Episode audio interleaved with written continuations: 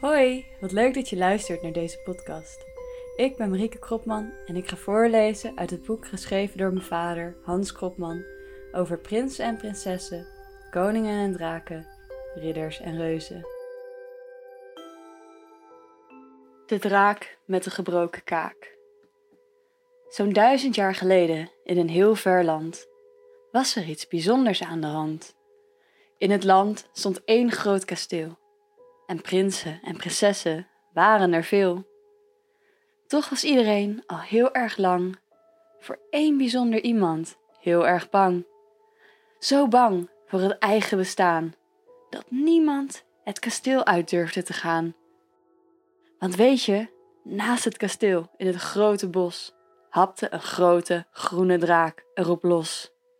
Al veel prinsen waren het bos ingegaan om te proberen de draak te verslaan. Maar geen prins heeft het er goed vanaf gebracht. Waarschijnlijk zijn ze door de draak afgeslacht.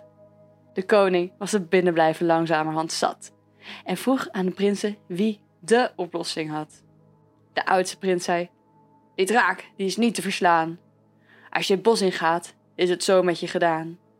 De jongste prins zei: Maar waarom mag ik het niet proberen om de draak te verslaan zonder mij te bezeren?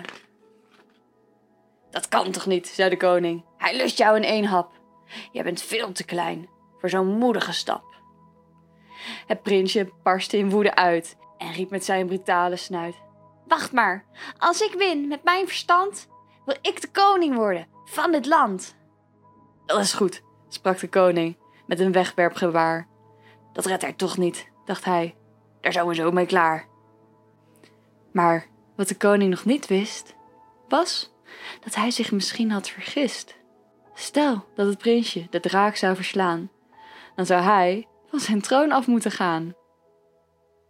De volgende ochtend stapte het prinsje vroeg uit bed, liep in de richting van het bos, door niemand belet. Heel stilletjes sloop hij tussen de struiken, hopend dat de draak hem niet zou ruiken.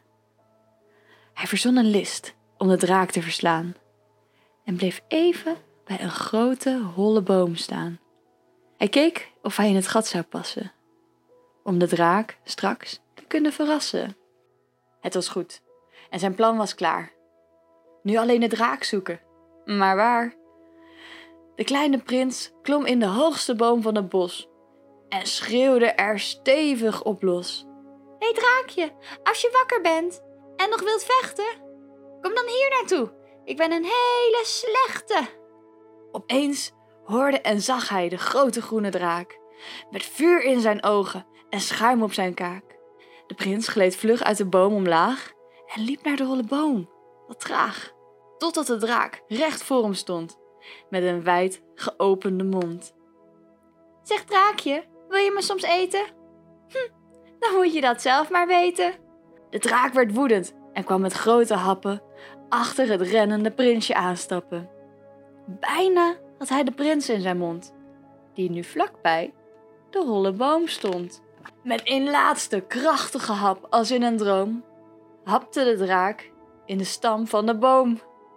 Je hoorde in de verte het kermen van de draak. De boom was veel te hard voor zijn kaak. Dankzij de prins, met zijn moedige idee, lag de kaak van de draak nu in twee. Zielig lag de draak daar op de grond, met heel veel pijn in zijn gebroken mond. De prins zei tegen de draak: Zal ik je even helpen? Ik kan met een groot verband het bloeden stelpen. Maar voor ik dat doe, moet je mij echt beloven geen prinsen meer van het leven te beroven. De draak snikte zacht en zei: Ik zal voor nu en alle dagen nooit meer op prinsen en prinsessen jagen. Word je mijn vriend? vroeg de prins aan de draak. Dan verzorg ik de breuk in je kaak. Ik haal een dokter die de kunst bezit om je kaak te herstellen en ook je gebit. De prins en de draak werden vrienden voor het leven, maar de vreugde in het paleis duurde maar even. De koning was trots op zijn kleine dappere zoon, maar dat kostte hem de plaats op de troon. De koning was woedend en zei: Ik ben laf, maar van die troon wil ik nog lang niet af. Eigenlijk, zei de prins, ben ik nog niet klaar met spelen. En kunnen we de troon best een tijdje samen delen. U regeert het land voor de grote mensen en ik vervul alle draken en kinderwensen. Zo ontstond er een uniek koninkrijk in het land, met een koning en een kleine helpende hand. Alles wat gebroken was, werd uiteindelijk weer één. En niemand in het land was ooit nog gemeen.